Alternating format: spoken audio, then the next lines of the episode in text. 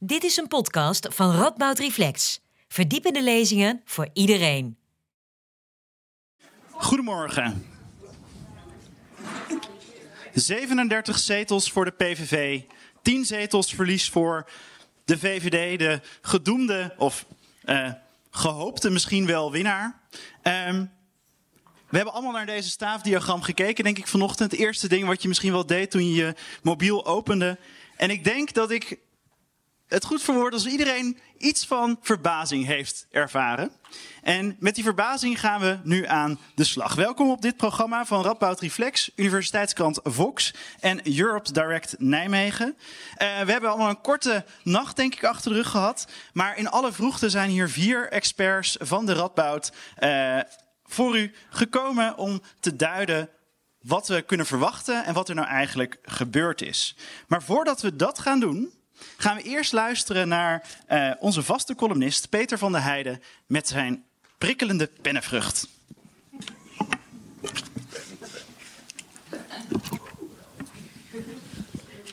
We trappen het uur af met een scherpe column van Amerikanist Peter van der Heijden, stond er in de aankondiging. Nou, daar heeft Amerikanist Peter van der Heijden een stuk minder zin aan dan toen hij hiervoor gevraagd werd. Niet dat hij niet gewend is om bij Radboud Reflex een column uit te spreken na schokkende verkiezingsuitslagen. Hij stond ook al met de mond vol tanden na de verbijsterende winst van Trump destijds.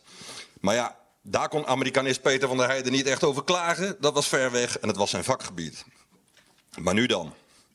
Nu betreft het niet zijn vakgebied, maar zijn eigen samenleving. Zijn eigen land dat overnight is veranderd in een soort Amerika 2016 2.0. Waar de boze burger aan de macht is gekomen. Opgezweept door een racistische leider van wie het enkel hopen is, en ik vrees te vergeefs, dat hij zich straks eenmaal aan de macht presidentieel, of in dit geval minister-presidentieel, zal gaan gedragen. En dat de soep niet zo heet gegeten wordt als deze gisteravond over ons is uitgestort. Maar dat hebben we gezien in Amerika. Nee, Amerikanist Peter van der Heijden heeft eigenlijk helemaal geen zin in een scherpe column. Hij is kwaad namelijk. Kwaad op bijna een kwart van de bevolking die ervoor kiest om anderen uit te sluiten. Laaiend dat je blijkbaar schaamteloos en zelfs met enige trots op tv kunt zeggen dat je op een racistische partij stemt. Hels op de VVD die een crisis forceerde over immigratie en daarmee extreem rechts in de kaart speelde. Woedend op partijen die de deur openzetten voor de PVV en op media die, die Wilders Geert Milders gingen noemen en die hem daarmee salonveeg hebben gemaakt. Hij schaamt zich dood dat hij in een land leeft waarvan de winnaar van de verkiezingen door Viktor Orban wordt gefeliciteerd. En hij is er goed ziek van dat een overwinning van extreem rechts op televisie wordt geduid als zomaar een opmerkelijke verkiezingsuitslag. Dat is het niet. Dit is erg. Dit is heel erg. Amerikanist Peter van der Heijden kan zich uit zijn verleden als parlementair historicus nog goed herinneren hoe er werd gereageerd toen Hans Janmaat in 1982 als eerste naoorlogse extreemrechtse politicus in de Tweede Kamer kwam. De wereld was te klein. Er ontstond direct een cordon sanitair om het gevaar van het opkomend fascisme, want zo durfden we het toen gewoon te noemen, in te dammen. Welgeteld één zetel had hij. Nooit kwam hij verder dan drie. Dat is andere koek dan de 37 van Wilders nu waarmee de PVV hoe dan ook het voortouw in de formatie krijgt. En wat staat voor een hele dikke 2 miljoen kiezers op deze extreemrechtse eenmanspartij. Om je dood te schamen. Nee, Amerikanist Peter van der Heijden, die, ik zeg het nog maar eens, hier eigenlijk helemaal geen zin meer in had, houdt zijn hart vast voor de komende tijd. Het goede nieuws is dat, mocht het Wilders al lukken om een kabinet te formeren, dat nooit al te lang zal kunnen zitten. Het zal ten onder gaan aan een Wilders die hoe dan ook gaat rommelen aan grondrechten en de rechtsstaat. Of aan de problemen die door Wilders en de rest van het kabinet worden ontkend, maar die te reëel zijn om niet op te lossen. Dus zijn er snel weer verkiezingen en is er weer zo'n bijeenkomst als deze, waar Amerikanist Peter van der Heijden graag weer begint met een scherpe column, waarin hij het einde van een kort, maar toch nog veel te lang racistisch extreemrechts tijdperk kan toejuichen. Amerikanist Peter van der Heijden kan niet wachten.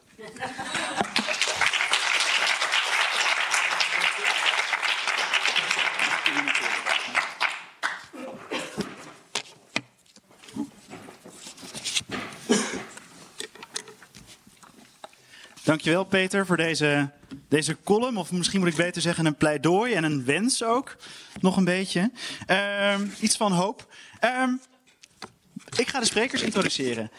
Erika van Elzas, de eerste, is politicoloog aan de Radboud Universiteit. En ze doet onderzoek naar politieke polarisatie in Nederland en de Europese Unie. Daarnaast staat Maurits Meijers, ook politicoloog, en doet onderzoek naar het vertrouwen van burgers in onze politieke instituties. Carla van Balen uh, is, was, was hoogleraar parlementaire geschiedenis aan de Radboud en leidde in opdracht van de Tweede Kamer de commissie die de formatieprocedure onder, uh, onder het licht uh, onderzocht. en ten, tenslotte Fons Meijer, politiek historicus en doet onderzoek naar de invloed van media op verkiezingen. Ehm, Carla, als ik met jou mag beginnen. Jij werd gisteravond om tien uur gebeld door de Spiegel met de vraag: had je dit verwacht? Wat Vrouw, was jou... Vrouw von Balen, kunnen ze misschien duiden wat er nu in uw land gebeurt? En ja, als het tien uur is en ik zat zelf mee te schrijven met het oog op dit formatieontbijt en half in shock toch door de uitslag. Uh, ja, was een interview heet van de naald. Misschien aardig om terug te lezen. Het staat op de site van, uh, van die Spiegel. Uh, maar ik zei, ja, veel van uw vragen zijn onze vragen. Want 35 toen nog, inmiddels 37 zetels. Ja, echt. Maar dat hadden we niet zien aankomen. En daar was ook niet meteen een verklaring voor. En dan kijk ik naar de andere sprekers. Delen jullie dat, deelden jullie dat sentiment? Of hadden jullie het al lang aanzien komen? Aanzien komen in deze mate denk ik dat dat uh, niet het geval was onder de meeste politicologen, zoals ik het uh, heb gevolgd ik moet wel zeggen dat toen die peiling in het weekend uh, bekend werd en toen dat zo geduid werd in de media, er wel een duidelijke dynamiek ontstond. Uh, en je zag dat verschillende politicologen daar ook uh, dat ook benoemden. Hè, hoe lees je zo'n peiling? Hoe duid je zo'n peiling? Wat zijn de marges? En vooral ook wat zijn de gevolgen als je zo'n peiling op een bepaalde manier gaat interpreteren? en daar hebben we natuurlijk wel een bepaald effect van gezien. En je hebt gezien hoe snel dat kan gaan, hoe snel die stijging kan zijn. Fons, jij doet onderzoek naar, naar peilingen en hoe die, die introductie daarvan in Nederland. Um, kunnen we zeggen dat Maurice de Hond Wilders groot heeft gemaakt? Uh, ja, dat denk ik wel. De, als je kijkt naar de mediadynamiek zag je heel lang dat iedereen op zoek was naar wat is nou het verhaal van deze verkiezingen. Het was heel lang uh, Pieter Omtzigt die kwam. Hè. Hij kwam de hele tijd met uh, nieuwe informatie, kwam hij weer in de media. Het waren ook zijn thema's die, die, die de campagne beïnvloeden. Bestaanszekerheid, de bestuurscultuur. Um, maar op een gegeven moment, uh, eigenlijk vanaf het moment dat Wilders mocht gaan uh, meedoen in uh, de mediadynamiek, hè, die eerste debatten, daar was hij niet bij. Dat waren vaak de, de grote drie. Maar vanaf het moment dat hij erbij kwam, dat, hij, dat duidelijk was dat hij nou, in toon, ik wil mm-hmm. zeggen in toon, hè, we hoeven zijn verkiezingsprogramma maar te lezen, dat is gewoon old-fashioned PVV.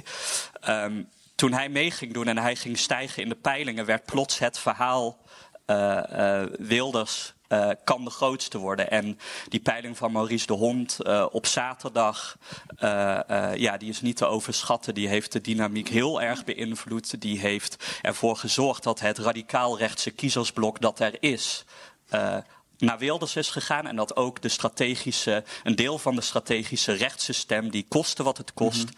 geen premier Timmermans wilde. Uh, althans, dit is hoe ik het zie, die is ook naar de PVV uh, gegaan. Maurits, jij doet onderzoek naar electoral politics. Dat is dus de tactieken van partijen om stemmers te winnen, als ik het goed begrijp. Ja, ik heb mijn proefschrift okay. geschreven, begon in 2012 over het mainstreamen van radicaal rechts. Oké. Okay. Um, uh, vooral op het gebied van de EU, maar ook op andere onderwerpen. En vandaag zien we het resultaat ervan. We hebben een VVD gehad die de laatste tien jaar uh, het migratieonderwerp groot heeft gemaakt. Denk aan uh, pleur op van Rutte. Uh, zulke soort dingen. Die hebben ons gevormd. En onze jongeren worden gesocialiseerd in een land waar deze dingen normaal zijn. Normaal zijn geworden. Um, en als we nou op naar de campagne kijken. mevrouw Jesselgus heeft de campagne van Wilders gedraaid. Ze heeft het alleen voor hem gedaan. Hij heeft eigenlijk bijna niks hoeven doen. Een paar dingen zijn retorisch van dat hij wat, wat milder is geworden. Maar eigenlijk heeft hij niks gedaan. Zij heeft voor hem de deur opengezet. En, en zoals, zoals eh, Peter net al zei, uh, de PVV is salonveeg gemaakt. En dat is echt, wil ik echt benadrukken. Want het onderzoek zegt dat. Als centrumrechts is de gatekeeper voor de radicaal rechts. En als zij hun posities overnemen en dan ook nog eens de deur openzetten voor coalitieonderhandelingen, ja, dan, dan is het echt het geval dat, dat, ze groot worden. Dat zie je in vergelijkend onderzoek en je ziet het ook weer hier. Want ik had de avond van tevoren noemde ik dat onderzoek ook. En toen zei ik, ja, het lijkt er nog niet heel erg op dat de VVD ook echt gaat verliezen. Maar wat er nu gebeurt is echt textbook politicoloog, politicologisch onderzoek. Uh, Centrum rechts maakt, uh, maakt de thema's, migratiethema's van de radicaal rechts groot. Um, ze, maken, ze duwen ook nog de deur mhm. open voor coalitieonderhandelingen. En vervolgens verliezen ze zelf en wordt uh, radicaal rechts groot. En dat is precies wat je ziet. Erika, ik zie jou knikken. Jij, jij, jij, stemt ermee in. Je ziet ook als politicoloog dat al die theorieën bewaarheid worden. Ja, ik stem hier zeker mee in met deze analyse. Um, uh, er is ook een politicoloog die zegt... Hè, de strategie van mainstream rechtse partijen kan zijn isolate en imitate. Dus je doet de partijen na, maar je isoleert ze wel. Je gaat niet de deur voor ze openzetten. Op het moment dat je ze wel gaat imiteren, maar ook de deur openzet... dan vervalt die hele strategie. Uh, maar daarbij komt denk ik ook nog dat het wantrouwen in de politiek uh, deze campagne natuurlijk een hele grote rol heeft gespeeld. En dat veel partijen daar ook actief op hebben proberen in te spelen. Ook door te zeggen: herstel het vertrouwen, stem op mhm. mij. dat thema werd op zoveel manieren op de kaart gezet. Ook door Omtzigt natuurlijk met zijn bestuurscultuur. Uh, en dat is toch ook iets waar de PVV, denk ik, heel geloofwaardig op is geweest voor kiezers. Dus toch ook die. Waarom was de PVV geloofwaardig als het om vertrouwen ging? Toch de outsider-stem uh, pakken. Dus wantrouwen in bedoel ik iets wat niet. Ja, de dus partij het politiseren die... van een wantrouwen richting het establishment. Uh -huh. Kijk, wie kan die stem trekken? Dat kunnen alleen mensen die geloofwaardig in die anti-establishment rol kunnen stappen. En Omtzigt heeft dat natuurlijk ook een tijd uh, best wel goed kunnen doen door ook hè, die functie elders, het mhm. slachtoffer worden van de bestuurlijke elite. Dat kon hij ook voor een deel grijpen. Maar die combinatie maken met ook het anti-immigratiesentiment en ook een deel bestaanszekerheid, wat Wilders eigenlijk ook uh, natuurlijk mhm. best wel heeft meegenomen door die link te leggen. Um, ja, die combinatie is denk ik heel uh, vruchtbaar geweest voor hem. Fons wilde ook reageren, reageren. Ja, want ik ben het heel erg eens met de analyse van Maurits, namelijk dat het de VVD is geweest die, die dit uh, uh, gedaan heeft. Maar dan zou ik ook iets verder willen kijken dan alleen Jesselgus, die in de zomer inderdaad zei: uh, we sluiten samenwerking met Wilders niet uit. We moeten niet vergeten dat het kabinet is gevallen op het thema migratie. De VVD heeft moedwillig aangestuurd op een val van het kabinet, op een thema waarvan zij dachten: met dat thema kunnen we de verkiezingen winnen. En ze hielden er geen rekening mee dat het thema migratie niet het thema van de VVD is alleen, maar ook het thema, veel meer zelfs het thema van de PVV. En je zag ook dat tijdens de afgelopen verkiezingscampagne het thema migratie de hele tijd toch weer de kop opstook. Ook als het bijvoorbeeld over de wooncrisis ging, dan was het frame dat bijvoorbeeld ook heel erg werd geladen door Pieter Omtzigt, dat dat ook heel erg met migratie te maken had. Ik hoorde net imitate en isolate. Maar dus dat imiteren hebben ze geprobeerd. Maar het isoleren is dus niet goed gegaan. Daar zat het probleem dan. Nou, ze hebben ervoor gekozen dat niet te doen. Hm. Rutte had dat heel goed door. Die, die heeft dat consequent uh, uh, gedaan. Uh, door de hele tijd ook af en toe partijgenoten PVV light-achtige dingen te laten ze zeggen. Maar heel duidelijk te maken, wij gaan niet met de PVV regeren. En die hele strategie is verlaten deze campagne. Ja, je, je noemde het omzicht. Ik denk dat dat heel belangrijk is. Dat, natuurlijk heeft omzicht uh, campagne gevoerd op, uh, op allerlei verschillende onderwerpen. Lang wisten we niet wat het precies was. Maar uiteindelijk was migratie een van zijn grote, grote speerpunten. Ehm, dus net als mevrouw Jesselkus, en inderdaad niet zijn partij heeft niet zo lange geschiedenis. En hij heeft als parlementariër een hele andere geschiedenis. Maar in de campagne heeft hij ook zeker Wilders geholpen. Ja. ja, het is ook wel fascinerend te zien dat nu Geert Wilders, die inmiddels de nestor is van ons parlement. Hè? Vaak zijn het dan nieuwe bewegingen die met iets komen dat mensen denken: yes, outsider. Ja, outsider in de politiek. Hm. Niemand zit langer in de Tweede Kamer dan Geert Wilders. En dat, maar hij heeft zich altijd weten te presenteren als tegen establishment buiten de politiek. Terwijl die natuurlijk toch een van hen is. Dat is op zich wel een heel opmerkelijk iets. En, en hoe is hem dat gelukt? Ja, dat is hem uh, gelukt door, door altijd de, diezelfde thema's die veel mensen in Nederland belangrijk vinden daaraan vast te houden. Maar goed, omdat hij zo werd geïsoleerd, nou ja, dat is net door jullie mooi uitgelegd, kon hij er niet doorheen komen. Maar als en immigratie inderdaad, als het kabinet daarop mhm. valt... en er wordt een deur opengezet naar de partij voor wie dat ja, thema nummer één is Ja, eigenlijk begin je natuurlijk wel af te vragen van wie heeft de VVD geadviseerd. We hebben het nu heel erg over wat partijen doen. Ja, want ik, ik, Oh. ik moest daar ook aan denken. Want eh, Mark Rutte had het tijdens de coronacrisis over dat hij niet zo had van sociologische inzichten. Eh, om eigenlijk door die hele ge- gedragswetenschap eh, aan de kant te schuiven dat die niet relevant was voor corona. Nou, dat bleek ook niet het geval. Maar je ziet dat ook weer hier. Ik vind dat fascinerend. Er is zoveel literatuur die zegt: als je doet wat mevrouw Jezelkus doet in haar campagne, dan gebeurt er dit. En ja, het is, het is echt naïef. En het is echt. ja, ze hebben slechte spindokters. Kunnen jullie niet een van jullie politicologie-studenten naar de VVD sturen? Nou, we hebben er wel een paar, dat weet ik. Eh, dus eh, ja, misschien is onze hoop eh, voor de democratie. Je bedoelt politicologie-studenten die VVD willen adviseren. Tuurlijk, we, we, we- we hebben allerlei studenten. Dus, ja. Kijk, heel. Ehm, ik, we hebben het nu heel erg over wat partijen doen. Ehm, maar er is ook een, een rol weggelegd voor eh, peilingen en media. Laten we daar nog even op inzoomen. Ehm, Maurits, jij hebt met heel veel. ehm, jij kwam hier aan en je was een beetje, nou ja, niet een beetje gefrustreerd over wat je gisteravond bij de NOS zag. Kun je daar iets over vertellen? ja, kijk, ik denk als politicoloog is het heel normaal om, eh, om, om, om te analyseren. En meestal cijfer je jezelf daar gewoon weg in je eigen mening. Zelf cijfer je daar weg en dat is ook goed. Ehm, maar Geert, wat Geert Wilders doet eh, en zijn, en zijn, zijn, eh, zijn standpunten die gaan tegen de rechtsstaat in, die gaan tegen persvrijheid in. Eh, en dat is echt een grens. Hè? Dus meer of minder migratie, nou daar kan je het over eens zijn of oneens zijn. Maar daar is echt een grens, vind ik. En dan vind ik ook dat we als, als, als wetenschappers, maar ook eh, journalisten, een, een verantwoordelijkheid hebben. En Geert Wilders is iemand die journalisten eh, twee jaar geleden nog tuig noemde. Hij wilde NPO afschaffen.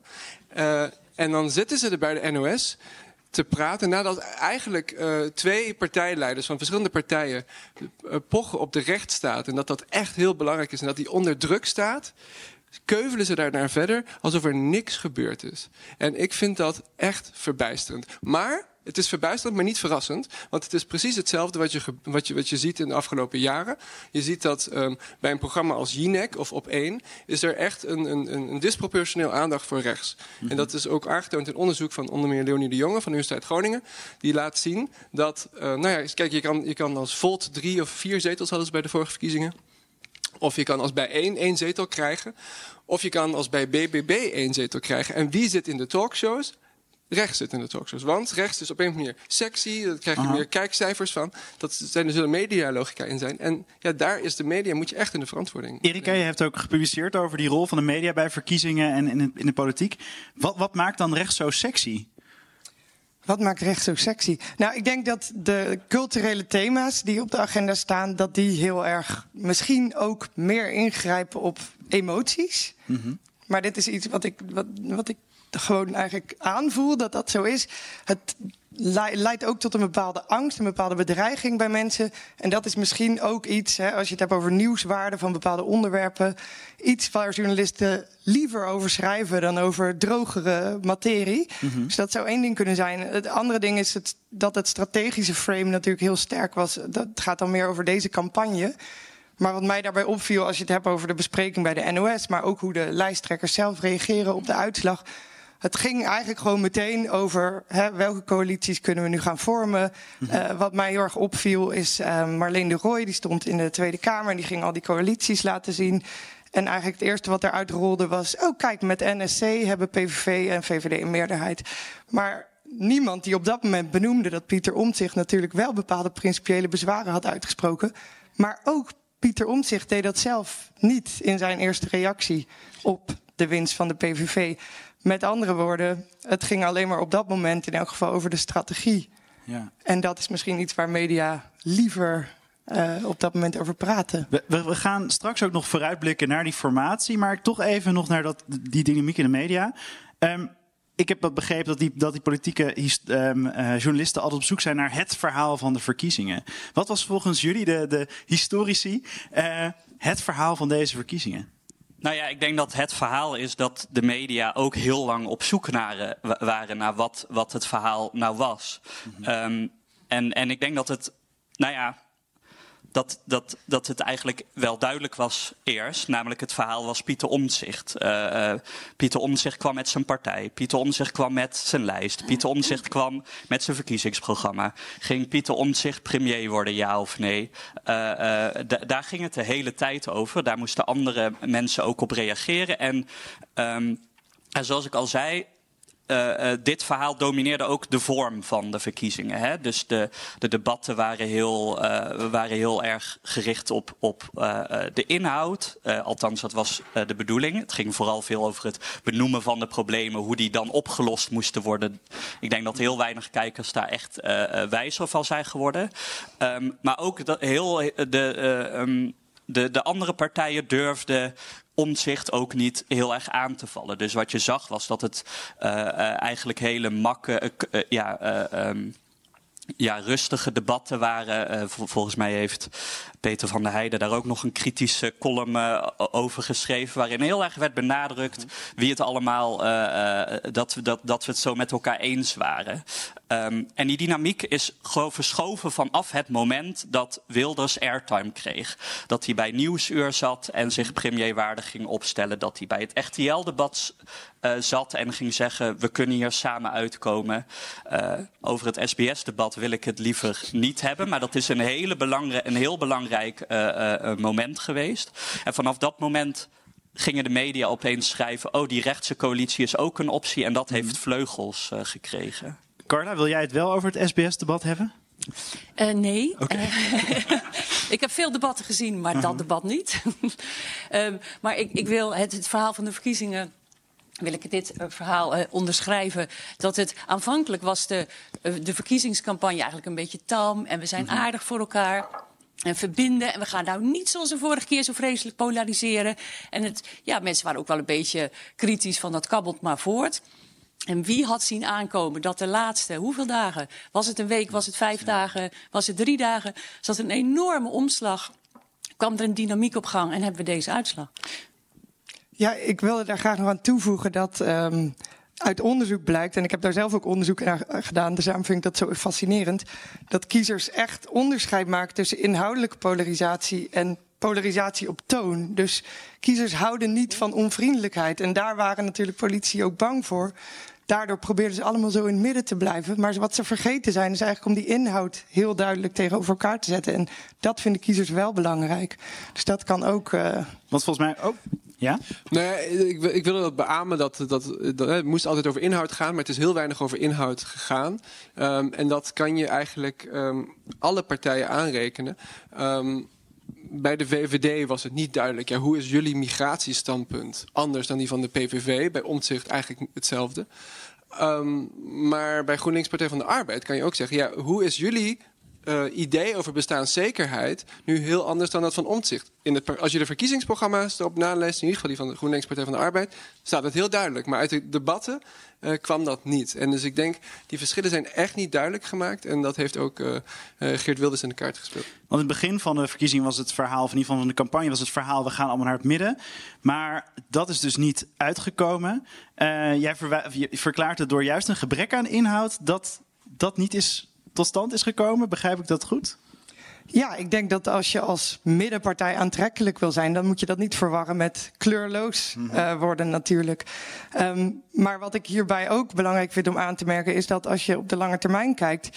Uh, we zeggen nu dat GroenLinks PvdA, hè, dat het resultaat best aardig is geweest alsnog. Maar als je gewoon alle linkse zetels optelt uh, die er gehaald zijn. En dan heel breed definieert. Dus je neemt Denk erbij, je neemt ChristenUnie erbij. Kom je op 50 zetels uit uh, mm. deze verkiezingen. Terwijl dat, ik heb dat teruggezocht, in 2012 was dat 76.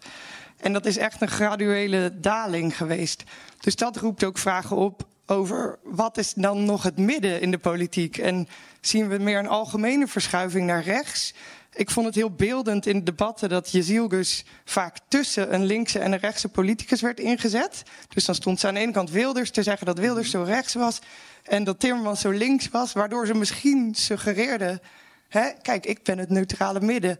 Um, dus daar roept het voor mij als politicus ook, ook vragen over op van is er dan een algemene verschuiving? Wat, wat is het midden nog? En dat roept de vraag op. Kun je de vraag ook beantwoorden?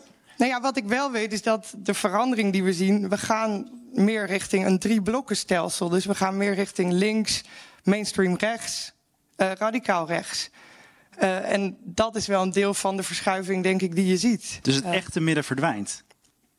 Er zijn natuurlijk wel partijen die die brugfuncties weer tussen die blokken vervullen. Dus die heb je wel.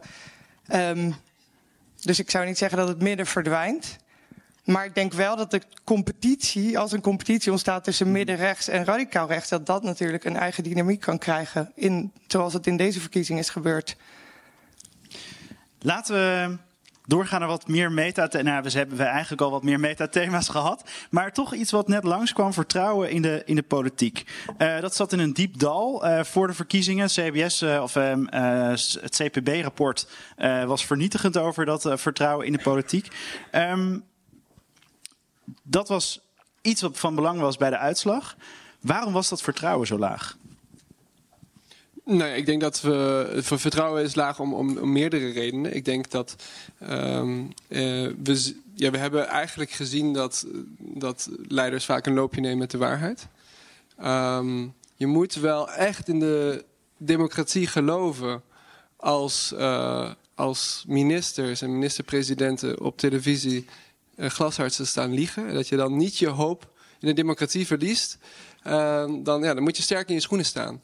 En dan wordt iemand als, als, als Geert Wilders, of ook Omtzigt natuurlijk, die dat ook heeft uh, aangesproken, wordt dan heel aantrekkelijk. En ik, ik onderschrijf wat Erika net zei. Ja, Wilders zit inderdaad al heel lang in de Kamer, maar hij, uh, hij is eigenlijk een van de enige politici geweest die in de hele campagne die uh, niet lid was of onderdeel was van een partij die mede regerings. Ja, verantwoordelijk is voor de regering van de afgelopen, afgelopen tien jaar. En, uh, en dat is denk ik wel een, een, belangrijk gegeven. Want iedereen is wel uh, ja, een soort van uh, tainted met, met, door, door Rutte. En dat heeft natuurlijk ook te maken met fragmentatie. We hebben steeds meer partijen nodig. Zeker als we radicaal rechts mm -hmm. wilden uitsluiten. Tenminste, dat was, hè, dat was het idee. Um, dan, uh, ja, dan wordt het heel moeilijk om. Dan moet je hele pijnlijke compromissen gaan sluiten. En ja, dan wordt het heel moeilijk ten eerste om de verschillen te zien. Uh, en iedereen is, uh, ja, is kan even schuldig bevonden worden van de fouten van een kabinet. En dat is, dat is wel echt een probleem.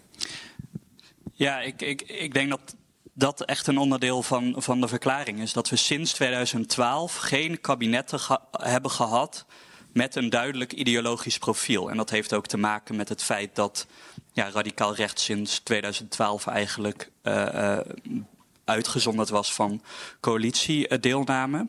En een deel van de analyse is denk ik ook dat Over Nederland werd heel vaak gezegd: ja, we hebben geen uh, uh, systematische uh, vertrouwenscrisis. er gebeuren af en toe wel, wel eens dingen. Een, een partijvoorzitter die in de kas heeft gegraaid, bijvoorbeeld. Mm. Maar we hebben de laatste jaren gezien dat er wel degelijk lange termijn crises zijn geweest die het vertrouwen echt hebben uh, aangetast.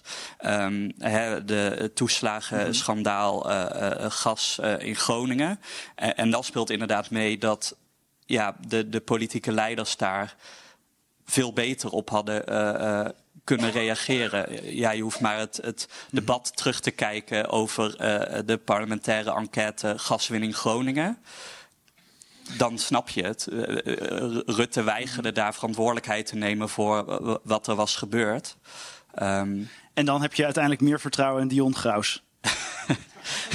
nou ja, uh, Carla. Ja, nee, dat wilde ik ook zeggen. Dat voor vertrouwen in de politiek is ook een factor goed, be goed beleid. Uh, als er beleid is waar mensen blij van worden, dat helpt om het vertrouwen te doen toenemen. En nou ja, de, de, de, de grote de grote kwesties van de afgelopen tien jaar zijn genoemd. De kinderopvang, toeslagenaffaire en het Groninger gas. En die zijn natuurlijk ook weer in de media breed uitgemeten. Maar laten we wel zijn, daar is veel fout gegaan. En dat helpt nou bepaald niet uh, bij de bevolking om het vertrouwen uh, groter te maken. Ja, ik denk ook dat deels van die problemen zijn, zijn, zelf, die zijn eigenlijk allemaal zelf gecreëerd. De woningmarkt werd als, uh, als uh, klaar bestempeld, uh, nog niet zo lang geleden. Er werden investeerders uit het buitenland werden aangetrokken. En vervolgens hebben we een woningbouwprobleem. Het, is, het zijn problemen die we zelf gecreëerd hebben. Vervolgens maken, zetten we een migratiespin op en leggen, geven we eigenlijk alle buitenlanders de schuld. En dat is wat er gebeurd is. En dat is, Peter noemde het racistisch. Uh, en ik denk niet dat je elke PVV als een racist kan bestempelen, maar het is wel uh, een, een, een, een, ja, een, een politiek van, uh, van zwart maken en van zondebokken maken. Van je eigen problemen. De VVD heeft dat zelf gedaan en, en, en ik vind dat echt, echt hen heel zwaar aan te rekenen. Um, ja, laten we ook maar vooruitkijken. Uh, aan het einde is er ruimte voor jullie vragen trouwens, dus dat komt. Um, maar laten we dan toch, um, we hebben nu teruggeblikt naar jaren VVD-beleid en de gevolgen naar de afgelopen weken. Laten we vooruitkijken naar dan die formatie. Uh, Carla, jij uh, bestudeerde de formatieprocessen door de, door de geschiedenis van Nederland, maar hebt ook geadviseerd over het nieuwe formatieproces. Wat kunnen we de komende maanden verwachten? Wat zijn de stappen? Ja, een van de adviezen was: uh, het moet toch echt een keer een beetje sneller. Uh, dat weet iedereen nog dat het tien maanden zo'n beetje duurde, de vorige formatie. En uh, ik zat in de commissie met vier mensen. En we hebben meer dan veertig mensen geïnterviewd, alle betrokkenen bij de kabinetsformatie. Um, ja, dus alle informateurs en verkenners en fractievoorzitters en uh, secondanten en uh, you name it. Mm -hmm. En daar was eigenlijk iedereen het over eens. Want het is eigenlijk een blamage van de eerste orde dat we een kwart van onze tijd van een kabinetsperiode van vier jaar laten opgaan aan het vormen van zo'n kabinet. Dus het moet sneller. Mm. En de partijen die nu waarschijnlijk in de lead gaan zijn, die vonden dat ook met nadruk. Dus wat gaan we verwachten? Ja, dan zou je dus denken van enige snelheid. Maar er ligt wel een complexe puzzel op tafel. Dus daar is alweer de vraag van. Uh, en gaat dat dan ook lukken? En wat is die complexiteit? Waar zit die in? in? Ja, die complexiteit. Uh, uh, ja, kijk, als je zegt we nemen drie grote partijen. Een beetje in het midden of aan de rechterkant. Hè, dan heb je PVV, VVD, NSC samen 81, meerderheid. Mm -hmm. Maar, het werd net ook al gezegd, Pieter Omtzigt heeft wel, hè, misschien niet gisteravond in zijn eerste reactie, maar wel de nodige voorbehouden zoals hij dat meermalen heeft gezegd, bij het programma. En het programma ligt er gewoon. Hè, inderdaad, Wilders kan nu milder zijn, maar het programma ligt er.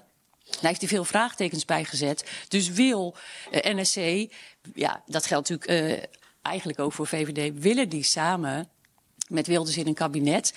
Gaat Wilders daarvan premier worden of mm. iemand anders? Dus de complexe puzzel is, ja, de factor PVV waar ja, uh, niemand omheen kan, zou je nu zeggen. Mm -hmm. Want is by far de grootste. Um, de traditie schrijft voor dat de grootste ook altijd begint met de formatie. Is dat eigenlijk een verplichting? Kunnen andere partijen nu ook iets beginnen? Nou, dat is wel interessant. Het is geen verplichting, maar het gebeurt altijd. Uh -huh. um, he, dat is echt een hele sterke conventie. De grootste krijgt het voortouw en dat betekent... Uh, nou, een van onze adviezen was ook... ga niet de volgende dag, vandaag dus, al formeren... Maar neem een dagje rust na die intensieve campagne. Dat doen ze nu ook. Ze gaan pas morgen uh, bij elkaar zitten.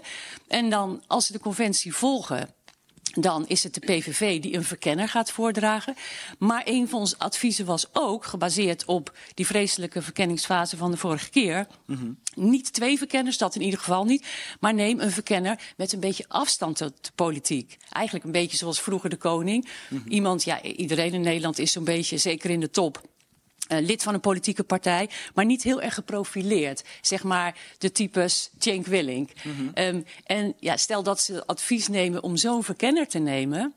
Ja, dan is het allereerste stap ligt niet bij de PVV. Dus dat zou kunnen, maar dat hangt er dus helemaal vanaf wat ze morgen gaan besluiten. Wat is dan de eerste stap? Dan zou de eerste stap zijn dat ze morgen bij elkaar komen onder leiding van de Kamervoorzitter. He, dus, dus iedereen die nu volgens de prognose nog niet de officiële uitslag Mm -hmm. binnen is in de Kamer. Al die fractieleiders zitten dan bij elkaar aan tafel onder leiding van de uh, Kamervoorzitter. En dan is het gebruikelijk sinds 2012 dat er een verkenner wordt aangewezen. Mm -hmm. Maar dat was steeds een politieke verkenner. Mm -hmm. He, dus in 2012 was dat Henk Kamp. Van de VVD, daarna Edith Schippers van de VVD. De vorige keer uh, ook van de uh, VVD Annemarie Jortsma. Maar er kwam een verkenner bij van D66. Mm -hmm. Dus dat waren heel duidelijk en ook behoorlijk politiek geprofileerde verkenners. En ja, het zou dus wat anders zijn, iets nieuws zijn, als het niet een PVV-verkenner zou zijn, maar iemand ofwel een PVV, maar met afstand tot de mhm. politiek. Mm -hmm. Maar daar weet ik zo gauw geen voorbeeld van. Fons, jij wilde ook reageren? Ja, in de aanloop naar de verkiezingen is natuurlijk in de Tweede Kamer ook gede is gedebatteerd over uh, uh, hoe we de formatie gaan doen. En toen kwamen ook de opties die, hè, dus de, de vicevoorzitter van de Raad van State werd, werd genoemd als vaste mm -hmm. verkenner. De koning was opeens weer terug van weg geweest. Maar de Kamer heeft zelf ook besloten dat ze dat niet willen. -huh. De Kamer heeft ook uh, uh, afgesproken dat, dat het initiatief bij de grootste partij blijft. Dus ja, ik ben heel benieuwd met wie de PVV komt. Bij ons thuis werd Rita Verdonk al genoemd. Oh, oh jee. Oké. Iemand met een beetje afstand, maar wel heel, ja. Ik, uh, ik zie weer gelijk die scènes met dat zwembad vormen. Met die. Uh, um, Oké, okay, laten we. Um, uh, ik, ja, ik, ik, vind, ja, ik vind toch wel dat we heel snel gaan. eigenlijk net als gisteren alweer over wat Erik net ook al zei. Oh ja, als we dit optellen, dan zitten deze partijen bij elkaar. Um, ik denk dat we Pieter Omtzigt moet serieus moeten nemen. En wat hij gezegd heeft, als, als hij uh, rechtsstatelijkheid en procedures belangrijk vond, zo belangrijk vond om in de toeslagenaffaire, vind ik het, uh, verwacht ik van hem dat hij ook die democratische principes nu niet overboord gooit. En ik denk dat uh, als je om zich gestemd hebt, dat je dat hem moet laten weten. En als je VVD gestemd hebt en je bent hier niet mee eens met het idee dat je in zo'n regering gaat, dat de VVD in een regering met Wilders gaat zitten, dat je dat laat weten. Want ik, dat is heel heel belangrijk. Want kijk, Wilders, waarom doen we zo raar over Wilders? Waarom is het zo erg? Nou, hij, hij treedt de rechtsstaat met de voeten. En je ziet, um, hij is vrienden met Viktor Orban. Viktor Orban is ook een democraat. Hij houdt ook verkiezingen. Maar hij is geen liberale democraat. Je hebt geen minderheidsrechten. Je hebt geen persvrijheid. En dat is het land wat Geert Wilders wil hebben. Wat dat, dat hij het zal krijgen is natuurlijk de vraag. Als hij in een coalitie zou komen, want je moet macht delen. Maar dat is waar hij heen wil. En uh, elke partij moet kiezen, wil je dat faciliteren of niet? Want we hebben hem al heel erg veel gefaciliteerd. En wil je daarmee doorgaan, ja of nee?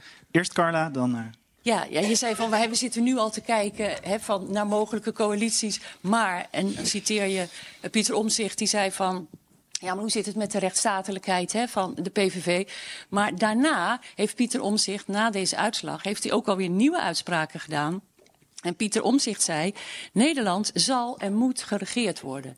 En daarmee zet hij zelf dus ook al een eerste stap naar coalitiebesprekingen. Daarom dat ik een appel doe aan iedereen die Omtzigt eh, gestemd heeft... om hem aan zijn woord te houden. Want dit is niet, want hij is ook de verkiezingen ingegaan met een belofte dat hij uh, op basis van het programma van Geert Wilders, waar hij zijn campagne heeft opgevoerd, geen mogelijkheden ziet. Erika, dus, ja. jij wilde. Ja, ik wilde nog toevoegen als een soort van overweging uh, in uh, deze kabinetsformatie dat we het nu steeds hebben over het normaliseren van radicaal rechts. Uh, ook doordat Wilders in verschillende programma's, doordat hij zijn kittens mocht laten zien op tv, bepaalde dingen die gebeurd, gebeurd, zijn. Ja, bij het jeugdjournaal. Dat is gebeurd. Um, ja, dus normaliseren en wat bij uitstek natuurlijk hem normaliseert, is als hij straks gewoon uh, in de coalitie zit. Dus kun je zeggen, oké, we doen recht aan deze verkiezingsuitslag. En misschien hè, voor de kiezers is het natuurlijk de vraag, mensen die PVV hebben gestemd, wat gebeurt er als die niet mee kunnen doen in deze coalitie? En wat gebeurt er op de langere termijn met hun vertrouwen? Dus dat kan een zorg zijn. Aan de andere kant kun je ook zeggen, door zo'n partij mee te laten regeren, normaliseer je het meer en creëer je meer een structurele basis. Dus het is best wel een groot dilemma. Uh, in Car van de implicaties. Ja, nee, dat, het kan ook tactiek zijn uh, dat de partijen zeggen. We gaan de onderhandelingen in met hem. En ook met een verwijzing naar ja, gewoon ook de democratie. Want dit is wel wat de Nederlandse bevolking heeft gestemd. Maar je weet niet hoe ze werkelijk denken en die coalitieonderhandelingen ingaan. Want het is in de geschiedenis ook vaker gebeurd dat je weliswaar zogenaamd met goede wil de coalitieonderhandelingen instapt, maar ze moet gaat laten mislukken. En als je, en dan wordt het toch weer een hele lange formatie, maar heel lang hebt onderhandeld. En je komt er niet uit, dan kun je zeggen: ja, sorry, uh, PVV, we hebben het geprobeerd, maar we moeten nu toch echt over een andere boeg gooien. En andere meerderheden zijn er. Zou een, uh, want Pieter Omzicht heeft zelf gezegd dat hij wel voor een uh, minderheidskabinet is. Zou dat een optie zijn? Ik had het voor een, ja, echt een optie gehouden uh, gisteren nog. Uh, toen uh, Omtzigt, VVD en Partij van de Arbeid GroenLinks ongeveer op dezelfde zetels zaten. Dan kan je toch denken aan VVD, Omtzigt, BBB met gedoogsteun van, van de PVV. Mhm. Maar als je 37 zetels hebt, dan ga je geen, geen kabinet dat ver onder die 76 zetels zit, ga je, niet, ga je niet, geen gedoogsteun geven. Dus ik denk in die zin niet. Um, ja, ik denk nog niet dat we zover zijn als in Polen, waar je eigenlijk de mhm. gehele oppositie moet verenigen met uh, alle kleuren om, uh, uh, om radicaal rechts tegen te gaan. Maar ja, dat er iets moet gebeuren lijkt me duidelijk. We gaan nog één keer vooruitkijken naar iets anders en dan gaan we naar de zaal toe.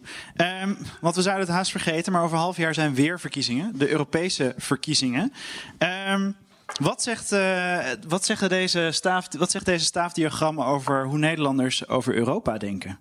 Mag die aan Erika vragen? Um, ja, dat mag. Uh, nou, het ging natuurlijk niet heel veel expliciet over Europa in de campagnes.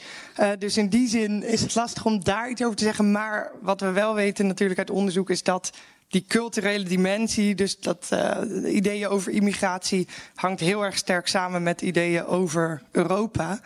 Tenminste, als je het over hebt over meer de radicale eurosceptische ideeën, de support voor een mogelijke nexit. Dergelijke dingen hangen samen op die culturele dimensie. Dus zou je wel denken dat dat ook dat dat frame ook uh, op Europa van toepassing is.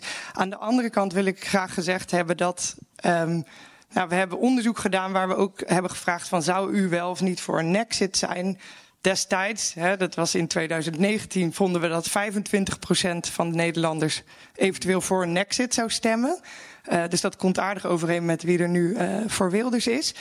Um, maar toen vroegen we ze ook, wat wilt u dan met de EU? Hè? Als je Nexit stemt, uh, maar in een vervolgvraag, wat voor toekomst ziet u voor Europa?